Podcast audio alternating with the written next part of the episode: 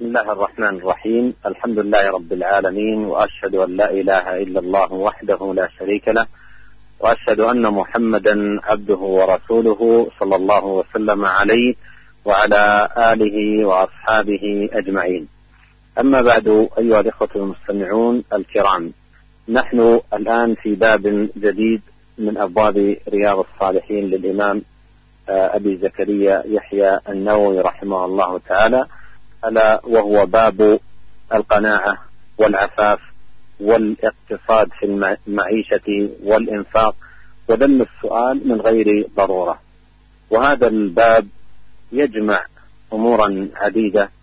يسوق الإمام النووي رحمه الله تعالى الأدلة عليها من كتاب الله تبارك وتعالى وسنة نبيه صلوات الله وسلامه عليه.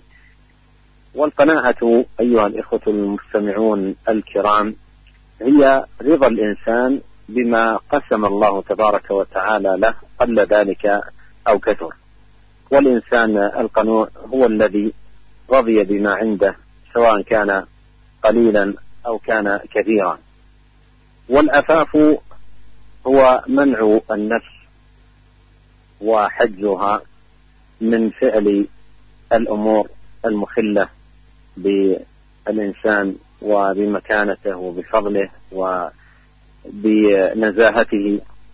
والإنسان العفيف هو الذي يعف نفسه بالابتعاد عن السؤال أو الابتعاد عن الأمور الدنيئة والتصرفات الذميمة فهو يتناول ذلك كله.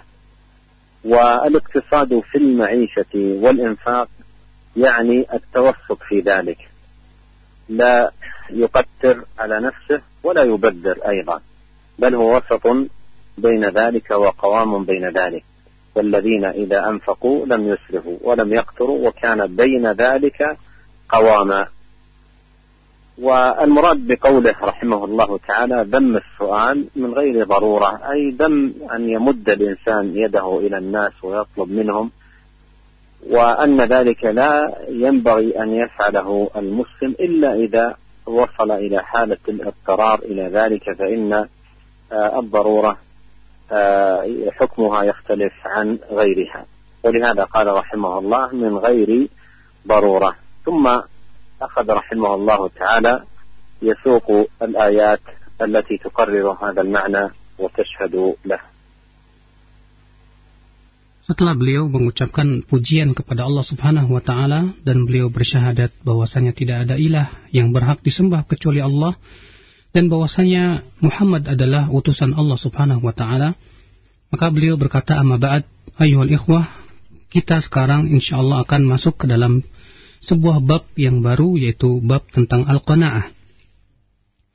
Kemudian beliau memberikan definisi tentang qanaah yaitu bahwa qanaah adalah keriduan manusia terhadap apa yang Allah Subhanahu wa taala berikan kepadanya. Di mana seorang hamba tidak mengeluh dengan apa yang Allah berikan kepada dia. Demikian pula bab ini tentang masalah yaitu bagaimana seorang hamba menjaga dirinya. Apa itu? Yaitu orang yang senantiasa menjaga dirinya dengan cara menjauhi sesuatu perkara-perkara uh, yang tidak disukai oleh Allah Subhanahu wa taala meninggalkan perkara-perkara yang rendah, meninggalkan perkara-perkara yang bisa menjadikan kewibawaannya itu rendah dan e, jatuh. Kemudian beliau membawakan juga yaitu tentang masalah kesederhanaan dalam hidup. Artinya seseorang itu tengah-tengah, dia tidak terlalu pelit dan tidak pula terlalu e, bermewah-mewahan, tidak mubadzir. Yaitu sebagaimana firman Allah Subhanahu wa taala, "Walladzina idza anfaqu lam yusrifu wa lam yaqturu wa kana baina dzalika qawama. Itu orang-orang yang apabila mereka berinfak mereka tidak berlebihan dan namun juga tidak terlalu pelit namun mereka berada di tengah-tengah itu. Dan Imam Nawawi juga menyebutkan tentang celaan terhadap orang yang minta-minta. Apa maksudnya? Yaitu seseorang meminta-minta kepada manusia dan memohon kepada mereka ya sesuatu yang dimiliki oleh manusia namun kecuali di, dikecualikan e, minta-minta tersebut dalam keadaan darurat saja. Karena dalam masalah darurat ter, terkadang sesuatu yang terlarang itu diperbolehkan. Oleh karena itu Al-Imam An-Nawawi rahimahullah mengatakan ya dengan tanpa keadaan darurat. Nah, Masya.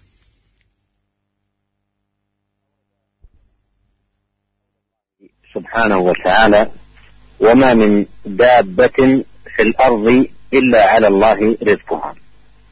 أي أن الله سبحانه وتعالى تكفل بأرزاق الخلائق. فكل دابة سواء كان ذلك إنسانا أو حيوانا أو آه، آه، غيرها من الدواب التي تمشي على قدمين أو تمشي على آه، أربع أو تمشي زحفا فكل ذلك رزقه على الله سبحانه وتعالى.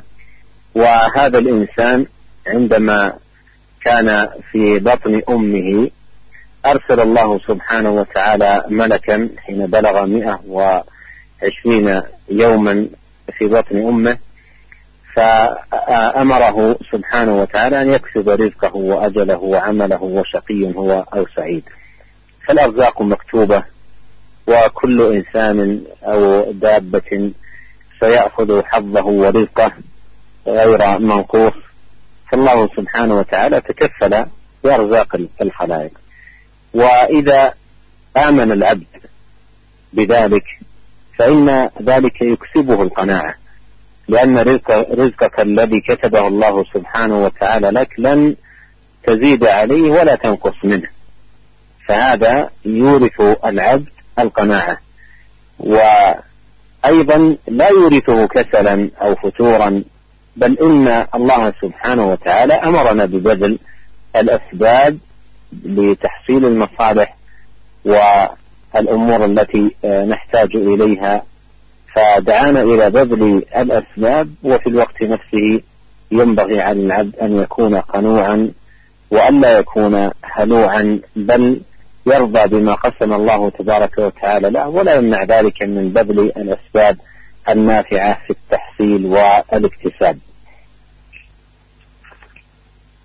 الإمام النووي رحمه الله من في من الله سبحانه وتعالى وما من دابة في الأرض إلا على الله رزقها.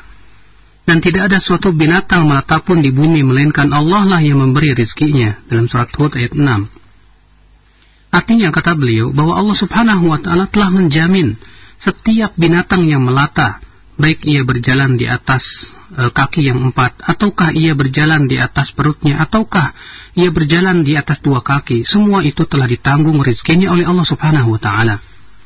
Ini dia manusia ketika ia masih berada dalam perut ibunya. Allah taala mengutus kepada malaikat ini ya kepada malaikat setelah 120 hari lamanya berada di dalam kandungan ibunya ya untuk memerintahkan menulis empat perkara yaitu ditulis tentang rizkinya, demikian pula ajalnya, amalnya, demikian pula kebahagiaan atau kesengsaraannya. Maka setiap e, binatang yang melata, Allah Subhanahu wa taala telah menjamin rizkinya dia. Maka apabila seorang hamba beriman kepada yang demikian ini, bahwasanya segala sesuatu sudah Allah Subhanahu wa taala tentukan rizkinya maka itu akan menimbulkan rasa qanaah dalam hatinya. Ia tahu bahwa segala sesuatu telah Allah tentukan semuanya. Maka ini tentu akan mewariskan apa? Yaitu ia merasa puas dengan apa yang Allah berikan kepadanya. Namun tentunya juga tidak akan mewariskan kemalasan. Tidak akan mewariskan kelemahan Justru Allah subhanahu wa ta'ala memerintahkan kita untuk memberikan segala usaha, segala kekuatan untuk mengambil usaha yang telah Allah subhanahu wa ta'ala yang tentunya perintahkan kepada kita. Allah juga menyeru kita untuk kita mengambil sebab-sebabnya. Kita juga agar kita jangan sampai menjadi orang-orang yang uh, putus asa di rahmat Allah subhanahu wa ta'ala ketika kita mengambil sebab kita berusaha terus untuk mencari rizki disertai dengan rasa kona'ah ketika Allah berikan kepada dia dan ridho terhadap apa yang Allah berikan kepada dia. Nah, Syekh.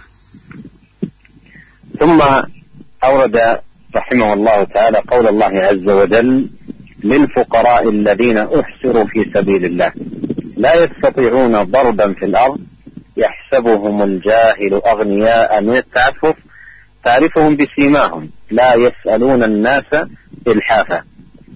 وهذه الآية بيان لحال الفقراء من أصحاب النبي الكريم عليه الصلاة والسلام وأنهم مع شدة الفقر التي آه آه التي كانوا عليها كانوا حريصين أشد الحرص على الجهاد في سبيل الله. لكنهم لا يستطيعون ضربا في الأرض.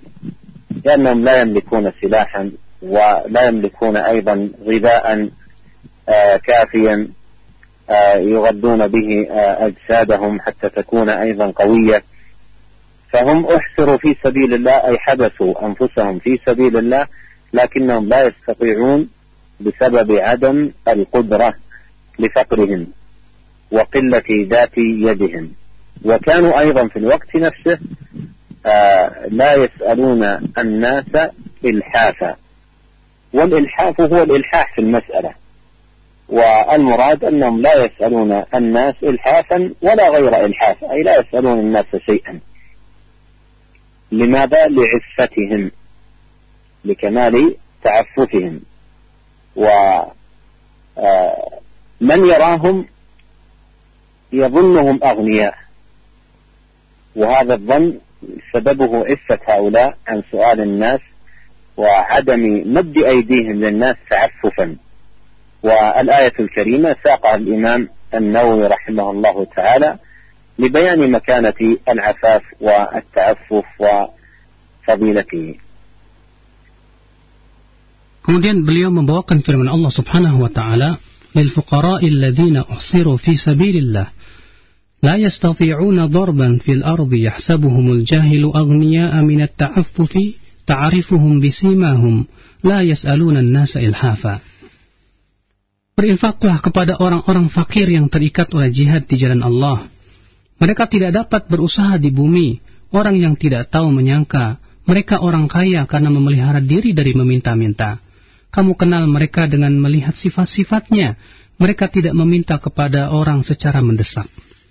Di sini beliau menyebutkan bahwa ayat ini sebagai penjelasan terhadap keadaan para fukara dari karangan sahabat Nabi Shallallahu Alaihi Wasallam. Padahal mereka orang yang sangat butuh sekali, orang yang sangat fakir, namun mereka tetap berkeinginan kuat untuk ikut berjihad di jalan Allah Subhanahu Wa Taala. Akan tetapi sayang mereka tidak mampu, mereka tidak memiliki apa-apa, tidak memiliki senjata, tidak pula memiliki harta untuk membeli makanan. Maka mereka pun tercegah, artinya mereka tercegah untuk mengikuti jihad visabilillah. Kenapa? Karena mereka tidak memiliki kemampuan apa-apa. Namun, ya, mereka tetap tidak minta-minta kepada manusia. Mereka tidak minta-minta kepada manusia secara ilhafa, artinya ilhah, yaitu yang mendesak-desak kepada manusia, meminta-minta dengan sangat tidak. Mereka tidak demikian. Mereka tidak pernah minta kepada manusia sedikit pun juga. Kenapa demikian? Karena kesempurnaan mereka dalam menjaga kehormatan dirinya. Sehingga orang-orang yang tidak tahu menyangka ketika melihat mereka tidak mau minta-minta kepada manusia, disangka oleh mereka bahwa mereka itu orang-orang kaya. Kenapa? Karena mereka tidak pernah menengadahkan tangan-tangan mereka kepada manusia. Maka ya beliau di sini membawakan ya, tentang penjelasan betapa kesempurnaan mereka di dalam menjaga kehormatan diri mereka. Nah, Syekh. ثم أورد رحمه الله تعالى قول الله عز وجل والذين إذا أنفقوا لم يسرفوا ولم يقتروا وكان بين ذلك قواما والآية ساقها رحمه الله تعالى لبيان أهمية الاقتصاد في المعيشة والإنفاق وأن الواجب على العبد أن يكون وسطا بلا إفراط ولا تفريط ولا زيادة ولا تقصير. قال الله سبحانه وتعالى والذين إذا أنفقوا لم يسرفوا ولم يقتروا. أي كانوا وسطا وكان بين ذلك قواما أي وسطا لا إفراط ولا تفريط. وقد ذكر الله سبحانه وتعالى ذلك في جملة صفات عباد الرحمن في أواخر سورة الفرقان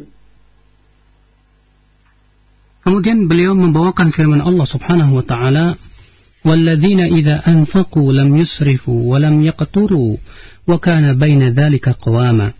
Dan orang-orang yang apabila membelanjakan harta mereka, tidak berlebihan dan tidak pula kikir dan adalah pembelanjaan itu di tengah-tengah antara yang demikian ini. Di sini Al-Imam An-Nawawi membawakan ayat ini untuk menjelaskan tentang pentingnya kesederhanaan dalam hidup, tentang pentingnya kesederhanaan dalam berinfak, dalam memberikan pembelanjaan hartanya. Seorang hamba hendaklah dia tengah-tengah, tidak berlebih-lebihan, tidak pula dia terlalu pelit. Oleh karena itu Allah berfirman, "Walladzina idza anfaqu lam yusrifu wa lam yaqturu." Yaitu orang-orang yang apabila apabila mereka membelanjakan harta mereka, mereka tidak berlebihan, tidak pula mereka kikir, artinya tengah-tengah antara itu. Allah subhanahu wa ta'ala menyebutkan ini ya tentang sifat-sifat hamba-hambanya yang dirahmati oleh Allah subhanahu wa ta'ala tentang sifat-sifat hamba-hamba Allah ar-Rahman ibadur Rahman yang Allah puji mereka dalam Al-Quran ثم أورد قول الله سبحانه وتعالى وما خلقت الجن والإنس إلا ليعبدون. ما أريد منهم من رزق وما أريد أن يطعمون. وهذه الآية فيها أن الغاية التي خلق الخلق لأجلها وأوجدوا لتحقيقها هي عبادة الله وتوحيده وإخلاص الدين له. وهو تبارك وتعالى غني عن العباد وغني عن طاعاتهم. وهو عز وجل لا تنفعه طاعة المطيعين ولا تضره معصية العاصين. وقد قال الله في هذه الآية ما أريد منهم من رزق وما أريد أن يطعمون. أي أن الله سبحانه وتعالى غني عن العباد والعباد فقراء إلى الله سبحانه وتعالى. كما قال الله عز وجل يا أيها الناس أنتم الفقراء إلى الله والله هو الغني الحميد Kemudian beliau Al-Imam Nawawi membawakan firman Allah Subhanahu wa taala, "Wa ma khalaqtul jinna wal insa illa liya'budun, ma uridu minhum min rizqin wa ma uridu an yut'imun." Dan aku tidak menciptakan jin dan manusia melainkan supaya mereka menyembahku saja. Aku tidak menghendaki rizki sedikit pun dari mereka, dan aku tidak menghendaki supaya memberi, memberi aku makan. Ayat ini, kata beliau, menyebutkan dan menjelaskan tentang tujuan penciptaan makhluk semuanya. Ia adalah beribadah hanya kepada Allah, yaitu hanya mengikhlaskan agama ini hanya kepada Allah subhanahu wa ta'ala. Namun Allah tidak butuh kepada hambanya. Allah tidak butuh kepada ketaatan mereka. Ketaatan mereka tidak memberikan manfaat sedikit pun untuk Allah. Kemaksiatan pun juga tidak memberikan mudarat sedikit pun kepada Allah subhanahu wa ta'ala. Maka dari itu Allah berfirman, Ma uridu minhum mir rizqin. Aku tidak menginginkan mereka memberikan rizki kepadaku. Tidak pula mereka memberikan makan kepadaku. Artinya Allah subhanahu wa ta'ala tidak butuh kepada hamba Justru hamba lah yang butuh kepada Allah subhanahu wa ta'ala. Sebagaimana Allah berfirman, Ya ayuhan nas, antumul fuqara'u ilallah. Wahai manusia, kalianlah yang sangat butuh kepada Allah Subhanahu wa taala dan Allah itu Maha Kaya lagi Maha terpuji. Naam ya ثم أورد ثم قال رحمه الله وأما الأحاديث فتقدم معظمها في البابين السابقين ومما لم يتقدم وأخذ رحمه الله تعالى يسوق الأحاديث الواردة في هذه المعاني المشتملة عليها هذه الترجمة Kemudian Al-Imam An-Nawawi berkata, adapun hadis-hadis yang membahas tentang hal ini sudah diberikan pada dua bab sebelumnya. Dan di antara yang belum dikemukakan adalah beberapa hadis berikut ini. Kemudian beliau akan menyebutkan hadis-hadis yang berhubungan dengan masalah ini. Namanya. بدأ أولا بحديث أبي هريرة رضي الله عنه عن النبي صلى الله عليه وسلم قال ليس الغنى عن كثرة العرب ولكن الغنى غنى النفس. متفق عليه. قال العرب بفتح العين والراء هو المال. وانظر أيها الأخ المستمع الكريم إلى هذه الفائدة العظيمة الثمينة التي بينها نبينا الكريم صلوات الله وسلامه عليه وما أحوجنا بل ما أشد حاجتنا إلى فهمها حتى نحقق القناعة التي بوب لها المصنف رحمه الله تعالى. يقول عليه الصلاة والسلام ليس الغنى عن كثرة العرب ولكن الغنى غنى النفس. ليس الغنى أي حقا وصدقا عن كثرة العرب أي كثرة الأموال. بل إنك ترى في كثير من الناس عنده أموال كثيرة ويرى أنه لا زال بحاجة إلى المال. ولو أعطي ابن آدم واديا من ذهب لتمنى أن له واديا آخر ولا يملأ في ابن آدم إلا التراب. فليس الغنى بكثرة المال. وإنما الغنى غنى النفس. أن تكون نفس العبد غنية. غنية بالإيمان والرضا بما قسم الله سبحانه وتعالى. غنية بالثقة بالله وحسن التوكل عليه. غنية بالقناعة التي هي كنز عظيم وكنز مبارك لا لا يدركه ولا يحصله كثير من الناس إلا من أكرمه الله سبحانه وتعالى ووفقه لذلك. فهذه حقيقة عظيمة جليلة مباركة بينها النبي عليه الصلاة والسلام ألا وهي أن الغنى ليس عن كثرة الأموال ولكن الغنى غنى النفس. Kemudian hadis yang pertama yang beliau bawakan yaitu hadis Abu Hurairah dari Nabi Shallallahu Alaihi Wasallam. Bahwa beliau bersabda, "Laisal ghina an kathratil aradi, walakinnal ghina ghina nafsi." Bukanlah kekayaan itu kata Rasulullah karena banyaknya harta, tetapi yang disebut kekayaan adalah kekayaan hati. Muttafaqun alaih dikeluarkan Bukhari dan Muslim dan al-arad itu dengan difatahkan ain dan ra-nya yaitu ya harta. Di sini beliau memulai dengan hadis Abu Hurairah dan lihatlah oleh Anda bagaimana faidah yang agung yang dijelaskan oleh Nabi Shallallahu alaihi wasallam dalam hadis ini. Betapa butuhnya kita untuk memahami hadis ini sehingga kita bisa betul-betul merealisasikan tentang hakikat kona'ah dan pemahaman yang benar tentangnya. Beliau bersabda laisal ghina an kasratil arabi. Artinya sungguh benar-benar bahwasanya kekayaan itu bukanlah dengan banyaknya harta. Kamu engkau lihat, banyak orang yang mempunyai harta yang banyak. Tapi aneh, dia selalu butuh dan butuh kepada harta. Dan memang benar apa yang disabdakan Rasulullah. Kalaulah seorang hamba diberikan satu lembah dari harta, pasti dia akan mengharapkan lembah-lembah yang lainnya. Dan tidak ada yang mencukupkannya kecuali tanah. Di sini Rasulullah SAW mengatakan bukanlah kekayaan itu dengan banyaknya harta. Artinya hendaklah seorang manusia itu merasa merasa kaya dirinya dengan apa? Ya dengan hati, dengan keimanan, dengan keridhaan terhadap apa yang Allah Subhanahu wa taala bagikan kepada dia. Demikian pula ia kaya hatinya dengan rasa percaya kepada Allah, dengan benar-benar tawakal kepada Allah Subhanahu wa taala dan qanaah Sungguh ia adalah merupakan harta karun yang sangat agung, yang sangat mulia Tidak akan seorang hamba sampai kepada derajat ini kecuali orang-orang yang Allah, Allah, Allah subhanahu wa ta'ala muliakan ia. Ini adalah hakikat yang agung.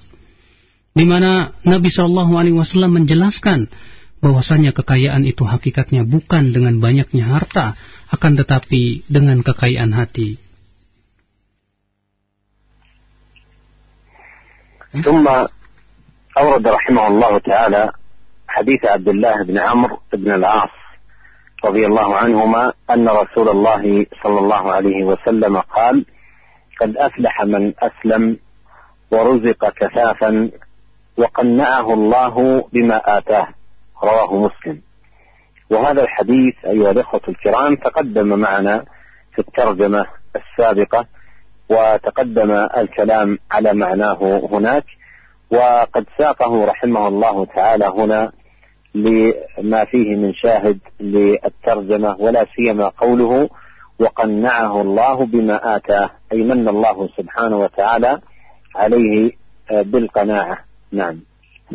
Kemudian beliau membawakan hadis Abdullah bin Amr bahwasanya Rasulullah sallallahu alaihi wasallam bersabda, "Qad aflaha man aslama ورزق كفافا وقنعه الله بما آتاه رواه مسلم Sungguh telah beruntung orang yang telah mas telah masuk Islam dan diberikan rezeki yang cukup serta diberikan oleh Allah qanaah terhadap apa yang Allah berikan kepadanya. Hadis ini dirikan oleh Muslim. Hadis ini sebetulnya kata beliau telah berlalu ya dan juga kita telah berikan penjelasan di sana. Di sini Imam Nawawi membawakan hadis ini karena ada yang berhubungan dengan masalah qanaah, yaitu dalam sabda Rasulullah SAW, "Wa qanna'ahu Allah bima atah." di mana Allah Subhanahu wa taala memberikan kekonaahan kepada seorang hamba terhadap apa yang Allah berikan kepadanya. Naam, Syekh. ثم أورد رحمه الله تعالى حديث حكيم بن حزام رضي الله عنه قال سألت رسول الله صلى الله عليه وسلم فأعطاني ثم سألته فأعطاني ثم سألته فأعطاني ثم قال يا حكيم إن هذا المال خضر حلو فمن أخذه بسخاوة نفس بورك له فيه ومن أخذه بإشراف نفس لم يبارك له فيه وكان كالذي يأكل ولا يشبع. واليد العليا خير من اليد السفلى. قال حكيم فقلت يا رسول الله والذي بعثك بالحق لا أرزأ أحدا بعدك شيئا حتى أفارق الدنيا. فكان أبو بكر رضي الله عنه يدعو حكيما ليعطيه العطاء فيأبى أن يقبل منه شيئا. ثم إن عمر رضي الله عنه دعاه ليعطيه فأبى أن يقبل منه. فقال يا معشر المسلمين أشهدكم على حكيم أني أعرض عليه حقه الذي قسمه الله له في هذا الفيء فيأبى أن يأخذه. فلم يرزق حكيم أحدا من الناس بعد النبي صلى الله عليه وسلم حتى توفي متفق عليه. قال أن الإمام النووي رحمه الله تعالى يرزأ براء ثم زاي ثم همزة. أي لم يأخذ من أحد شيئا. وأصل الرزق النقصان أي لم ينقص أحدا شيئا بالأخذ منه. وإشراف النفس تطلعها وطمعها بالشيء. وسخاوة النفس هي عدم الإشراف إلى الشيء والطمع فيه والمبالاة به والشره وهذا الحديث أيها الإخوة الكرام فيه مثال من حال الصحابة رضي الله عنهم وأرضاهم وما آتاهم الله سبحانه وتعالى من قناعة ورضا وسخاوة نفس وعدم طمع أو هلع أو نحو ذلك. وهذا حكيم كان قد سأل النبي عليه الصلاة والسلام فأعطاه ثم سأله فأعطاه ثم سأله فأعطاه. ثم أخبره صلوات الله وسلامه وبركاته عليه أن هذا المال خضر حلو. ومعلوم أيها الإخوة الكرام أن الحلو الخضر يستجذب البصر نظرا إليه والنفس طمعا في ذوقه لحلاوة طعمه. فخضرته تجلب النظر وحلاوته تجلب ذوق الطعم والحرص على ذلك. فالمال هذا شأنه. المال خضر حلو. لكن من أخذه بسخاوة نفس من أخذه بسخاوة نفس والسخاوة سخاوة النفس وعدم الإشراف إلى الشيء عدم الطمع. فمن أخذه بسخاوة نفس أي ليس مباليا ولا شرها ونفسه ليست طامعة فإنه يبارك له فيه أي أن الله سبحانه وتعالى يبارك له في هذا المال. يبارك له في هذا المال. هذا من أخذه بسخاوة نفس. قال ومن أخذه بإشراف نفس من أخذه بإشراف نفس أي نفسه متطلعة وطامعة في هذا الشيء وحريصة عليه وشرهة في تحصيله فإنه لا يبارك له فيه. وأصبحت حاله مع هذا المال كحال الإنسان الذي لا يأكل ولا الذي يأكل ولا يشبع. ثم بين له النبي عليه الصلاة والسلام أن اليد العليا وهي اليد المنفقة الباذلة المعطية خير من اليد السفلى وهي اليد الآخذة والسائلة. وهذه موعظة عظيمة وعظ النبي صلى الله عليه وسلم بها حكيما رضي الله عنه. ووقعت هذه الموعظة موقعها وأثرت في حكيم تأثيرا عظيما. فأصبح بعد هذه الموعظة رضي الله عنه وأرضاه لا يأخذ من أحد شيئا. وقد حلف للنبي صلى الله عليه وسلم بالله قال والذي بعثك بالحق لا أرزأ أحدا بعدك شيئا حتى أفارق الدنيا. ومعنى لا أرزأ أي لا أخذ لأنه آه إذا أخذ منه نقص من ماله والرزء النقصان فقول لا أرزأ أي لا أنكف أحدا شيئا بالأخذ منه. فقرر هذا القرار الحاسم الحازم أن لا يأخذ من أحد شيئا حتى يفارق الدنيا وفعلا وفى بذلك رضي الله عنه وأرضاه. فكان أبو بكر في خلافته يدعوه ليعطيه العطاء فيأبى أن يقبل. وكان أيضا عمر يدعوه فيأبى أن يقبل حتى اضطر عمر إلى أن يشهد الناس على حكيم أنه عرض عليه حقه الذي قسمه الله له في في الفيء فكان يأبى أن يأخذه وبقي على هذه الحال رضي الله عنه وأرضاه. لا يأخذ شيئا حتى توفاه Allah Subhanahu wa Kemudian beliau membawakan hadis dari Hakim bin Hizam, ia berkata, Saat Rasulullah, aku bertanya kepada Rasulullah Shallallahu Alaihi Wasallam, aku pernah minta kepada Rasulullah Shallallahu Alaihi Wasallam, maka beliau pun memberikannya kepadaku. Lalu aku meminta lagi kepada beliau, dan beliau pun memberikannya kepadaku. Kemudian beliau berkata, Hai Hakim, Sesungguhnya harta ini mempesona lagi manis. Barang siapa mengambilnya dengan kemurahan jiwa, maka dia akan memperoleh berkah padanya.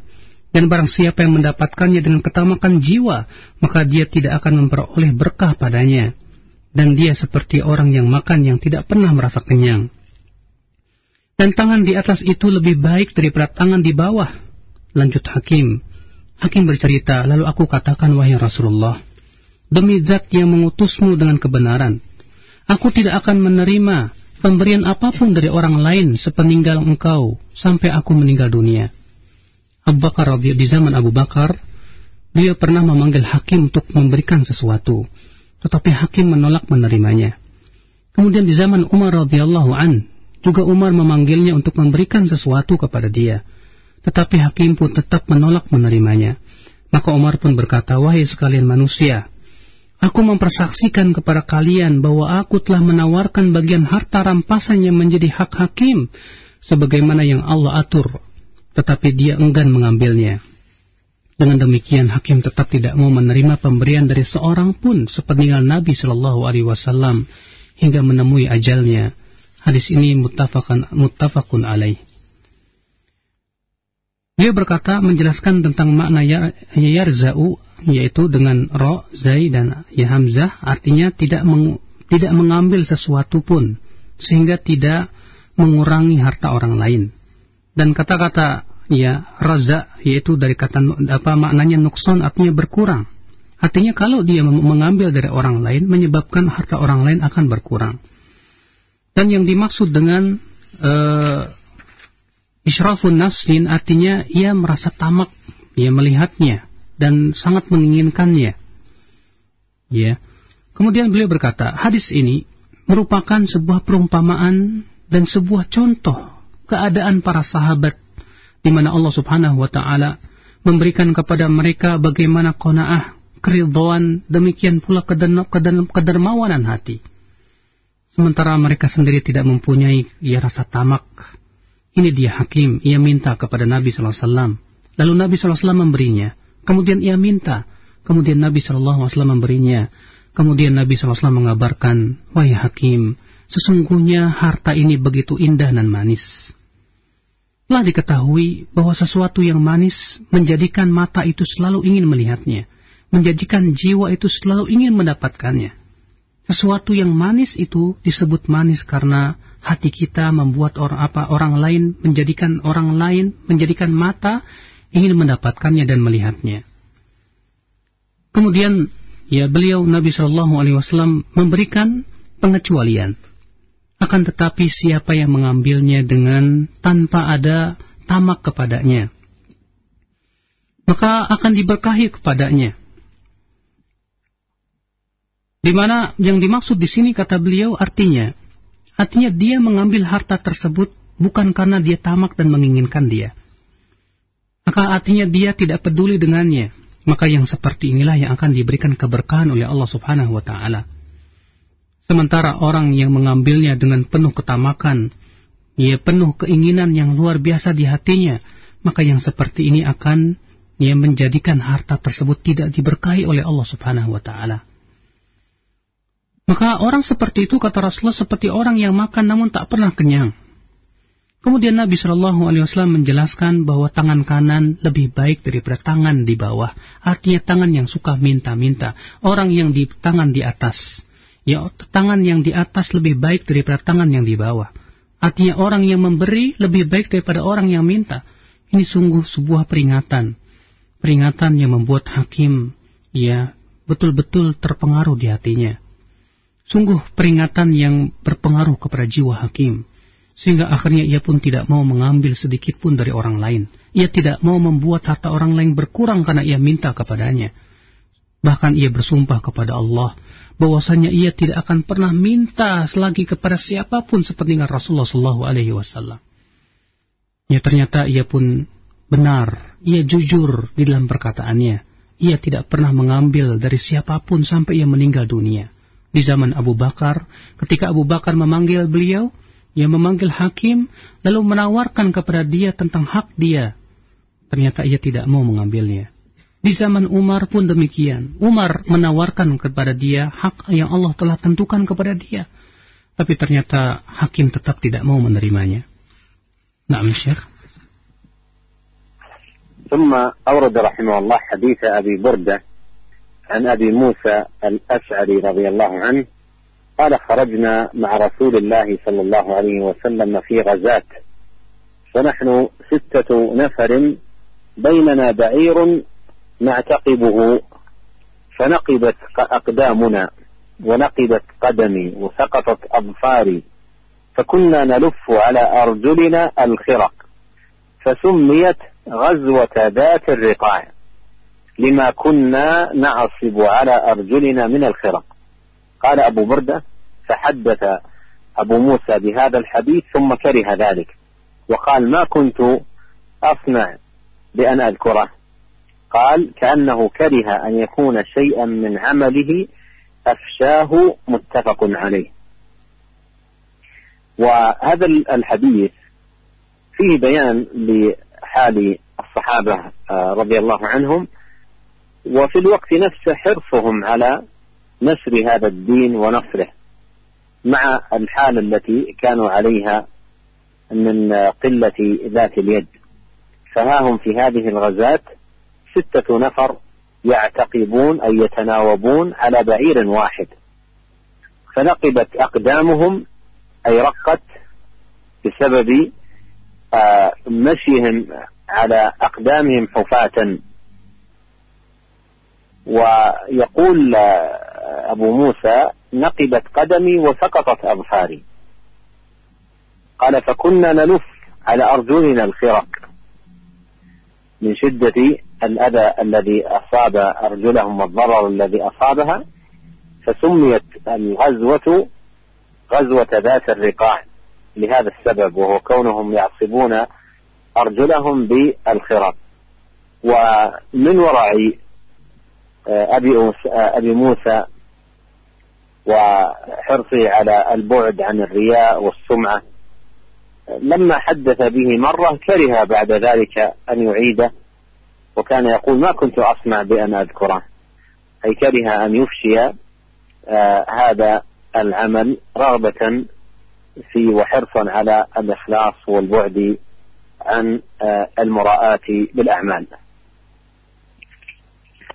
Kemudian beliau membawakan hadis Abu Burdah dari Abu Musa al-Ash'ari, semoga Allah meridainya, ia berkata, Kharajna ma'a Rasulullah sallallahu alaihi wasallam, kami pernah pergi bersama Rasulullah sallallahu alaihi wasallam fi ghuzatin, di dalam sebuah peperangan, yang pada waktu itu kami berjumlah enam orang dengan satu ekor unta.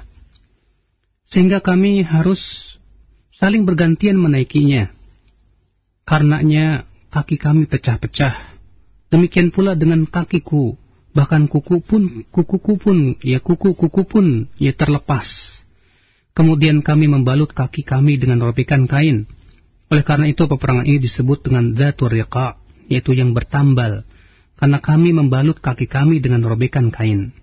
Lebih lanjut Abu Burdah bercerita. Lalu Abu Musa menceritakan peristiwa tersebut. Dan setelah itu dia tidak mau menceritakannya lagi Seraya berkata, untuk apa aku menyebut-nyebut apa yang telah aku perbuat? Seakan-akan dia tidak suka jika sesuatu yang pernah dilakukannya tersebar. Dalam hadis ini, kata beliau, menjelaskan tentang keadaan para sahabat. Bagaimana para sahabat yang keadaannya demikian sulit namun tetap semangat sekali untuk menyebarkan agama ini. Padahal mereka dalam keadaan sulit, ya mereka tetap bersemangat untuk ya berjihad ya kemudian mereka saling bergantian. Ya'taqibun ayatana wabun artinya saling bergantian. Sampai-sampai nakibat qadamai kata beliau. Artinya sampai-sampai ya e, kakinya itu merasa apa terkelupas akibat daripada seringnya berjalan. Ya telanjang kaki di atas sebuah padang pasir yang panas. Kemudian beliau berkata dan pada waktu itu kami ya dan pada waktu itu Saqatat adfari Yaitu kuku-kukuku juga sampai terlepas dan terkelupas Sehingga akhirnya kami pun Membalutnya dengan kain. Maka dari itu disebut dengan perang Zatul Riqa Yaitu artinya perang yang mempunyai pembalut ke kain. Karena pada waktu itu Ya mereka membalutnya karena saking sulitnya Ya tunggangan. Dan di belakang Abi Musa Demikian pula semangat mereka, yang semangat beliau untuk jauh dari ria. Setelah itu beliau tidak lagi suka ya untuk menceritakan hal itu kepada manusia. Kenapa? Karena ini menjaga keikhlasan beliau. Beliau tidak suka apabila amalan tersebut tersebar oleh orang kepada manusia. Karena ini semua untuk menjaga ya keikhlasan beliau dan agar terjauh daripada ria. Nah, Syekh. ثم أورد رحمه الله تعالى حديث عمرو بن تغلب بفتح التاء المثنات فوق وإسكان الغين المعجمة وكسر اللام رضي الله عنه. أن رسول الله صلى الله عليه وسلم أتي بمال أو سبي فقسمه فقسمه فأعطى رجالا وترك رجالا. فبلغه أن الذي أن الذين ترك عتبوا فحمد الله ثم أثنى عليه. ثم قال أما بعد فوالله إني لأعطي الرجل وأدع الرجل والذي أدع أحب إلي من من الذي أعطي. ولكني إنما أعطي أقواما لما أرى في قلوبهم من الجزع والهلع. وأكل أقواما إلى ما جعل الله في قلوبهم من الغنى. والخير لما جعل الله في قلوبهم من الغنى والخير. منهم عمرو بن تغلب. قال عمرو بن تغلب فوالله ما أحب أن لي بكلمة رسول الله صلى الله عليه وسلم حمر النعم. رواه البخاري.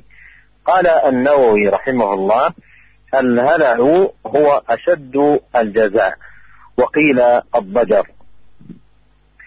و هذا الحديث ساقه رحمه الله تعالى لبيان القناعة وغنى النفس ومكانتها العظيمة وأن النبي صلى الله عليه وسلم كما في هذا الحديث كان يعطي بعض الناس ويترك آخرين وكان الذي يتركهم ولا يعطيهم أحب إليه من الذين يعطيهم. فكان قسمه ليس مبنيا على الحب آه، ودرجة الناس فيه عنده صلوات الله وسلامه عليه. ولكن كان يعطي أقواما لما يرى في قلوبهم من الجزع والهلع أي شدة الهلع أو الضجر. ويكل قوما إلى ما جعل الله في قلوبهم من الغنى والخير.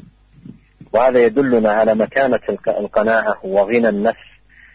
وأن تكون نفس الإنسان خيرة. فيها العفة وفيها القناعة وفيها الغنى. ليس كما تقدم معنا الغنى بكثرة العرب وإنما الغنى غنى النفس. ثم قال عليه الصلاة والسلام منهم يعني هؤلاء الذين يكلهم إلى ما جعل الله في قلوبهم من الغنى والخير قال منهم عمرو بن تغلب. قال في ثناء ومنقبة لعمر رضي الله عنه ومكانة علية له ففرح عمر بهذه المنقبة وهذه الفضيلة آه التي ذكرها وشهد بها النبي عليه الصلاة والسلام. وكان يحلف رضي الله عنه فيقول فوالله ما أحب أن لي بكلمة رسول الله صلى الله عليه وسلم حمر النعم. وحمر النعم هي النوق الحمر. وهي أنفس ما كانت تمتلكه العرب وأثمنه وأغلاه ومعنى هذه الكلمة إذا أطلقت أي أحب إلي من الدنيا وما فيها لأن هذا عندهم أثمن شيء في الدنيا. فإذا كانت أحب إلى قلبه من هذا الشيء الذي هو أثمن شيء عندهم في الدنيا فمعنى ذلك أن هذه الكلمة كانت أحب إليه من الدنيا وما فيها. Kemudian beliau Al-Imam An-Nawawi membawakan hadis Amr bin Taghlib. Itu dengan tak yang difathahkan. Ya dan uh, poin yang disukunkan. Kemudian di lam yang dikasrahkan Anna Rasulullah sallallahu alaihi wasallam utiya bimalin usabyin faqasamahu. Bahwasanya Rasulullah sallallahu alaihi wasallam pernah dibawakan harta atau tawanan Lalu beliau membagi-bagikannya. Beliau memberi kepada beberapa orang dan tidak memberi kepada beberapa orang lainnya. Kemudian beliau mendengar bahwa orang-orang yang tidak diberi ya oleh beliau mencela beliau. Maka beliau memuji Allah dan memberikan sanjungan kepada Allah. Setelah itu beliau bersabda amma ba'd. Amma ba'du fa wallahi inni la u'ti ar-rajula wa ad'u ar-rajul Demi Allah, sesungguhnya aku memberi kepada seseorang dan tidak memberi kepada orang lain. Dan orang yang tidak aku beri lebih aku sukai daripada orang yang aku beri.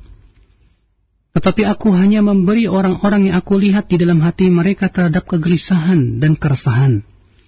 Dan aku serahkan kepada Allah orang-orang yang Allah jadikan pada hati mereka ke kekayaan dan kebaikan. Di antara mereka adalah Amr bin Taglib. Lalu Amr bin Taglib berkata, Fawallahi ma uhibbu anna li bi kalimati Rasulullah SAW humran na'am. Demi Allah, aku tidak suka ucapan Rasulullah SAW menyangkut diriku itu ditukar dengan dengan, dengan unta-unta yang berwarna merah. Dikeluarkan oleh Imam Bukhari. Hadis ini dibawakan oleh Imam An-Nawawi untuk menjelaskan tentang hakikat kona'ah. Hakikat tentang kayaknya hati. Dan bahwasanya ya Nabi Shallallahu Alaihi Wasallam sebagaimana disebutkan dalam hadis ini memberikan kepada sebagian manusia dan meninggalkan yang lainnya. Namun ternyata yang Rasulullah tidak berikan lebih Rasulullah cintai daripada yang Rasulullah SAW berikan. Di mana pemberian Rasulullah SAW tidaklah didasarkan kepada rasa suka, akan tetapi karena orang-orang yang diberi itu ternyata orang-orang yang tidak punya kesabaran. Ini menunjukkan betapa tingginya tentang masalah kona'ah. Betapa mulianya orang-orang yang mempunyai sifat iffah, ya, menjaga kehormatan. Orang-orang yang kona'ah dan rasa kaya, kaya dalam hatinya. Kemudian Nabi SAW menyebutkan tentang orang-orang yang diberikan oleh Allah dalam hati mereka berupa kekayaan dan kebaikan, Itu mereka ada di antara mereka adalah Amr bin Taghlib. Kemudian beliau berkata bahwasannya ini adalah merupakan keutamaan yang agung bagi Amr bin, bin Taglib. Ini merupakan mankibah yang agung. Maka Amr pun merasa gembira sekali dengan keutamaan ini. Bahkan ia bersumpah dan berkata, "Fawallahi ma uhibbu anna li bi kalimati Rasulullah sallallahu alaihi wasallam humran na'am." Demi Allah, aku tidak suka ucapan Rasulullah SAW menyangkut diriku tersebut ditukar dengan unta-unta merah. Humrun na'am artinya an-nukul humur, yaitu unta-unta yang merah. Ia adalah unta yang paling mahal, yang paling berharga menurut orang-orang Arab. Maksud daripada Amr artinya, bahwasannya ucapan Rasulullah SAW mengenai dirinya tadi, itu lebih beliau sukai daripada dunia dan apa yang ada padanya. Ya karena apa? Karena kalimat ini menunjukkan akan keistimewaan dan keutamaan. Nah, Masya. ثم أورد رحمه الله حديث حكيم بن حزام رضي الله عنه أن النبي صلى الله عليه وسلم قال اليد العليا خير من اليد السفلى وابدأ بمن تعول وخير الصدقة عن ظهر غنى ومن يستعفف يعفه الله ومن يستغني يغنه الله. متفق عليه. وهذا لفظ البخاري ولفظ مسلم أخصر وهذا الحديث آه، تقدم آه، آه، تقدم جزء منه في حديث حكيم السابق الطويل. وفيه قول النبي عليه الصلاة والسلام اليد العليا خير من اليد السفلى واليد العليا هي المعطية والسفلى هي الآخذة. وهذا هو الوضع الطبيعي للأخذ والعطاء الذي يعطي يده أعلى. علوا حسيا والذي يأخذ يده أسفل سفولا حسيا. وفي الوقت نفسه أيضا هو علو معنوي للمعطي وسفول معنوي للآخذ وينبغي للمسلم أن يكون صاحب يد عليا وهي اليد المعطاءة. وخير الصدقة عن ظهر غنى. خير الصدقة عن ظهر غنى وهذه حال شريفة عندما يكون عليها العبد في انفاقه وتصدقه وبذله في سبيل الله تبارك وتعالى. ومن يستعفف يعفه الله ومن يستغني يغنه الله. من يستعفف عما في أيدي الناس يرزقه الله العفاف ويكرمه به سبحانه وتعالى. ومن يستغني عما في أيدي الناس يغنه الله يمن الله تبارك وتعالى عليه بالغنى. وهذه قاعدة شريفة جدا وعظيمة في هذا الباب أن يحرص العبد على العفاف والغنى الذي هو غنى النفس. والله سبحانه وتعالى يعفه ويغنيه من واسع فضله سبحانه وتعالى. Kemudian beliau membawakan hadis Hakim bin Hizam bahwasanya Nabi Shallallahu Alaihi Wasallam bersabda, Al yadul yud ulya khairum min al yadi sufla, wabda biman ta'ul, wa khairus sadaqati an dhahri ghina, wa man yasta'fif yu'iffahu Allah, wa man yastaghni yughnihillah, muttafaqun alaih.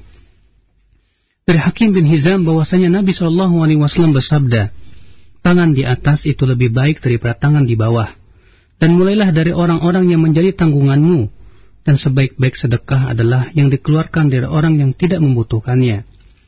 Barang siapa menjaga kehormatan dirinya, maka Allah akan menjaganya, dan barang siapa merasa cukup, maka Allah akan memberikan kecukupan kepadanya. Lafaz hadis ini di atas adalah milik Bukhari, sedangkan lafaz Muslim lebih ringkas lagi. Hadis ini telah terdahulu bagian darinya yaitu dari hadis Hakim bin Hizam yang panjang. Yang disebutkan padanya al-yadul ulya khairum min al-yadi sufla. Ya, tangan di atas lebih baik daripada tangan di bawah. Artinya tangan yang di atas itu orang yang memberikan. Ya, dan tangan yang di bawah artinya orang yang menerima. Dan ini terkadang mempunyai makna hissi. Artinya betul-betul tangannya di atas. Karena orang yang memberi pasti tangannya di atas. Dan orang yang menerima pasti tangannya di bawah. Tapi juga mempunyai makna hulu maknawi. Ya artinya uh, secara maknawi orang yang memberikan kepada orang lain tentunya ia akan menjadi mulia hatinya. Sementara orang yang senantiasa ia meminta dan menerima, maka hatinya akan menjadi rendah. Hatinya akan menjadi kerdil. Oleh karena itulah seorang hamba hendaklah mempunyai sifat selalu tangannya di atas. Kemudian Rasulullah mengatakan wa khairus sadaqah an dhahri ghina. Dan sebaik-baiknya uh, sedekah yaitu ketika ia ia kaya. Ini adalah merupakan keadaan yang mulia. Keadaan yang sangat dianjurkan ketika seseorang bersodakah.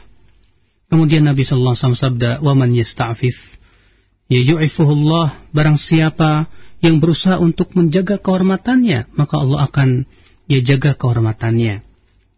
Artinya kata beliau, siapa yang menjaga kehormatannya, ya dari apa yang ada di tangan manusia berupa harta mereka, maka Allah akan berikan rizki kepada dia berupa apa? Kehormatan. Akan dipelihara kehormatannya, bahkan Allah akan berikan kemuliaan kepada dia.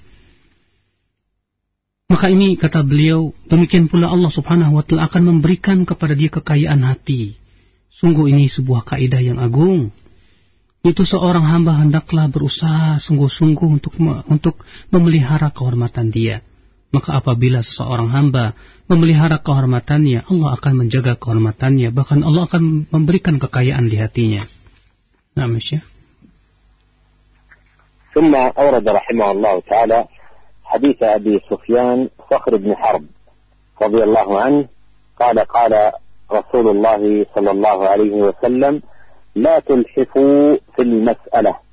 فوالله لا يسألني أحد منكم شيئا فتخرج له مسألته مني شيئا وأنا له كاره فيبارك له فيما أعطيته رواه مسلم. وهذا فيه نهي النبي عليه الصلاة والسلام للناس أن يلحفوا في المسألة أي أن يلحوا في الطلب السؤال. ثم قال عليه الصلاة والسلام فوالله لا يسألني أحد منكم شيئا فتخرج له مسألته مني شيئا أي إلحاحه في المسألة وإلحافه فيها. وأنا له كاره فيبارك له فيما أعطيته. أي أن هذا من أسباب نزع البركة.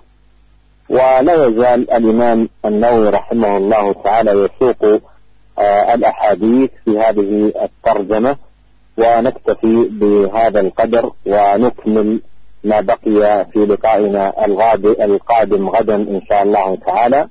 ونسأل الله عز وجل أن يوفقنا أجمعين لكل خير وأن ينفعنا بما علمنا إنه سميع الدعاء وهو أهل الرجاء وهو حسبنا ونعم الوكيل. Kemudian beliau membawakan hadis Abu Sufyan Sakhr bin Harb. Semoga Allah meridainya. Ia berkata, Rasulullah Shallallahu Alaihi Wasallam bersabda, "La tulhifu fil mas'alah Jangan kalian terlalu mendesak-desak dalam meminta. Fawallahi la yas'aluni ahadun minkum syai'an demi Allah. Tidak seorang pun dari kalian meminta kepadaku sesuatu. Fatukhriju lahu mas'alatu minni syai'an wa ana lahu karihun. Kemudian dengan terpaksa aku memberikan sesuatu itu kepadanya. Sementara aku tidak menyukainya. Fayubarak lahu fima ataituhu. Maka ia tidak akan diberkahi terhadap apa yang aku berikan kepadanya dikeluarkan oleh Muslim. Hadis ini melarang seseorang untuk ia meminta kepada orang dengan mendesak-desak. Di mana orang yang melakukan demikian akan menyebabkan ya hilang keberkahan harta tersebut yang diberikan kepadanya. Maka dari itu Nabi Shallallahu Alaihi Wasallam di sini bersumpah kepada Allah, "Fawallah la yas'aluni ahadun minkum syai'an." Tidaklah seseorang dari kalian minta kepadaku, lalu aku dengan terpaksa memberikan kepada dia, ya sementara aku tidak menyukainya, sementara aku terpaksa melakukannya, maka orang seperti ini, kata Rasulullah, tidak akan diberkahi. Artinya, ini menjadi sebab dicabutnya keberkahan dari dia. Sehingga, ya, ketika ia melakukan seperti itu dengan mendesak-desak kepada manusia, maka pemberian yang diberikan manusia kepadanya tidak diberkahi oleh Allah Subhanahu wa taala. Dan Imam Nawawi terus memberikan membawakan hadis-hadis lain yang berhubungan dengan ini. Namun kita cukupkan dengan kadar ini dan kita mohon kepada Allah agar diberikan taufik kepada apa yang Allah cintai dan ridhai dan agar Allah Subhanahu wa taala memberikan manfaat kepada kita terhadap apa yang Allah ajarkan kepada kita. Dan sesungguhnya Allah ya sebagai ahlinya. Demikian kata beliau. Nah kami mengucapkan terima kasih jazakallah khairan pada Fadilatul Syekh yang telah menyampaikan tausiah yang penuh manfaat di sore hari ini. Dan untuk selanjutnya Hotel Islam kita akan uh, menerima pertanyaan via telepon untuk Anda yang akan bertanya dan ada tersisa waktu kita 5 atau 6 menit ke depan untuk menyampaikan pertanyaan. Kita coba untuk yang pertama dari penelpon kita. Naam. Assalamualaikum. Waalaikumsalam warahmatullah. Silakan dengan siapa ada di mana, Pak? Abu Muhammad Jakarta. Silakan Pak Abu Muhammad. Subhanallah, tadi saya menjelaskan bagaimana kemuliaan aksi itu dibandingkan dengan harta. Halo, bisa, uh, bisa diulang Pak? Mohon maaf, sedikit terputus. Subhanallah, seperti apa yang saya jelaskan tadi, kemuliaan hati itu lebih besar daripada harta. Yang mana anak pernah mengalami mengurus suatu masalah, manusia yang dijolimi, itu ada 11 orang, anak ditunjuk jadi ya, ketua timnya. Nah, sehingga di sini anak urus permasalahan itu dengan ikhlas. Sehingga Allah kasih kemudahan. Dan pada selesai itu, orang-orang itu akan memberikan jasa anak tolak. Hmm. Karena di sini salah satu abang Ana punya haknya juga. Sehingga anak tolak hak itu dan suatu saat selesai ini anak mendapat peluang yang lebih besar lagi. Hmm. Apakah dengan hal demikian Allah memberikan keberkahan karena ketulusan kita mengurus satu masalah dengan keikhlasan. Iya. Jazakallah khairan. Assalamualaikum warahmatullahi wabarakatuh. Waalaikumsalam warahmatullahi Terima kasih Pak Abu Muhammad. Silakan. As-sa'il yaqul ya Syekh, "Kuntu yawman atawalla uh, al-mas'alah, yakni anani uqassim uh, haq uh, haq al-akharin." فلما فعلت ذلك رجل أراد أن يعطيني شيئا. لكنني أنا رفضت ذلك يعني العطاء. وأرجو أن يكون ذلك إخلاصا لله. فهل هذا الفعل صحيح أم كيف يا شيخ؟ هذا داخل في قول النبي عليه الصلاة والسلام ومن يستعفف يعفه الله ومن يستغني يغنه الله. Beliau menjawab bahwa ini sebetulnya masuk dalam sabda Rasulullah Shallallahu Alaihi Wasallam, "Waman yasta'fif yu'iffuhullah." Siapa yang menjaga kehormatannya, maka Allah akan ya jaga kehormatannya. "Waman yastaghni yughnihillah." Dan siapa yang merasa cukup, maka Allah akan berikan cukupkan kecukupan kepadanya. Nah, jazakallah heran atas uh, jawaban yang saya sampaikan. Kita angkat dari penelpon kedua ada Ibu Intan di Sumatera Utara. Silakan Ibu Intan. Halo. Iya, halo. Ya. Assalamualaikum Ustaz. Waalaikumsalam warahmatullahi wabarakatuh. Silakan Bu. Iya. Mau tanya ini Ustaz. Hmm, kan Alhamdulillah saya sudah uh, mengikuti uh, pengajian uh, Tolabur Ilmi gitu ya. Uh, kemudian saya me mengajak teman gitu Ya, ke inti pertanyaannya uh, saja ibu. Iya, iya. Hmm. Kemudian teman itu, ya, teman itu mengatakan katanya uh, yang penting saya kan uh, sholat lima waktu dulu yang yang lebih utama katanya gitu kan karena di dalam agama kan nggak di nggak di apa nih nggak diwajibkan untuk menuntut ilmu walaupun kita menuntut ilmu kalau anak kita terlantar nah, karena beliau kan ini uh, apa berusaha dagang gitu. Yeah. Jadi kalau sampai menelantarkan anak atau uh, enggak ini gitu gimana gitu katanya Baik. gitu. Yang penting saya sudah uh, melaksanakan kewajiban sholat lima waktu gitu. Baik, terima kasih. Itu sebaiknya gimana ajakan kita itu? Ya. Baik, terima kasih. Assalamualaikum warahmatullahi wabarakatuh. Waalaikumsalam warahmatullahi Terima kasih Ibu. Silakan. As-sa'ilatu taqulu ya Syekh, ana talabtu al-ilm wa ad'u zamilati li talab al-ilm. لكن زميلتي قالت أنا قد صليت خمس خمس صلوات والدين لم يأمرني بطلب العلم لأن لي تجارة وعندي أولاد وأنا لابد أن أتجر وذلك لمصلحة أولادي. فكيف أنا أفعل تجاه هذه الزميلة يعني؟ الذي تفعلينه مع زميلتك هو النصيحة. و قول زميلتك إن الله لم يطلب مني أو لم يأمرني إلا بالصلاة وأنا أصلي هذا أمر حسن وطيب أن تكون محافظة على الصلوات. لكن الله سبحانه وتعالى قال لنبيه صلى الله عليه وسلم وقل ربي زدني علما وكان عليه الصلاة والسلام كل يوم إذا صلى الصبح قال اللهم إني أسألك علما نافعا ورزقا طيبا وعملا متقبلا. فسائر الإنسان لطلب الرزق هذا من مقاصده وأهدافه في يومه وأيضا من مقاصده وأهدافه في يومه أن يطلب العلم. وينبغي أن يكون هناك توازنا بحيث يقسم وقت الإنسان فيكون جزءا منه في تحصيل الرزق وأيضا جزءا منه في تحصيل العلم الذي به حياة العبد وسعادته في الدنيا والآخرة Kemudian beliau menjawab, beliau di sini menjawab ya bahwa yang hendaknya engkau lakukan terhadap temanmu adalah memberikan nasihat. Memang betul yang diucapkan oleh temanmu bahwa Allah tidak memerintahkan kepadaku kecuali suatu lima waktu. Akan tetapi, bukankah Allah Ta'ala berfirman kepada nabinya, Wakur Rabbi zidni ilma, katakanlah hai Muhammad, Ya wahai Rabbku tambahkan kepadaku ilmu. Dan adalah Nabi Shallallahu Alaihi Wasallam setiap, setiap kali setelah sholat subuh ia berdoa Allahumma inni as'aluka ilman nafi'a wa rizqan tayyiba wa amalan mutaqabbala. Ya Allah aku mohon kepada engkau ilmu yang bermanfaat rizki yang halal dan amalan yang diterima. Sebagaimana ia merealisasikan maksudnya untuk mencari rizki hendaknya juga ia berusaha untuk merealisasikan maksudnya untuk mencari ilmu Sebab Nabi SAW bukan hanya minta minta rizki, tapi juga Nabi SAW minta ilmu. Dan hendaknya ia pun juga berusaha untuk seimbang. Dia bagi waktunya, ada bagian untuk mencari rizki, ada juga bagian yang dia bagi dia sisihkan waktunya untuk menuntut ilmu.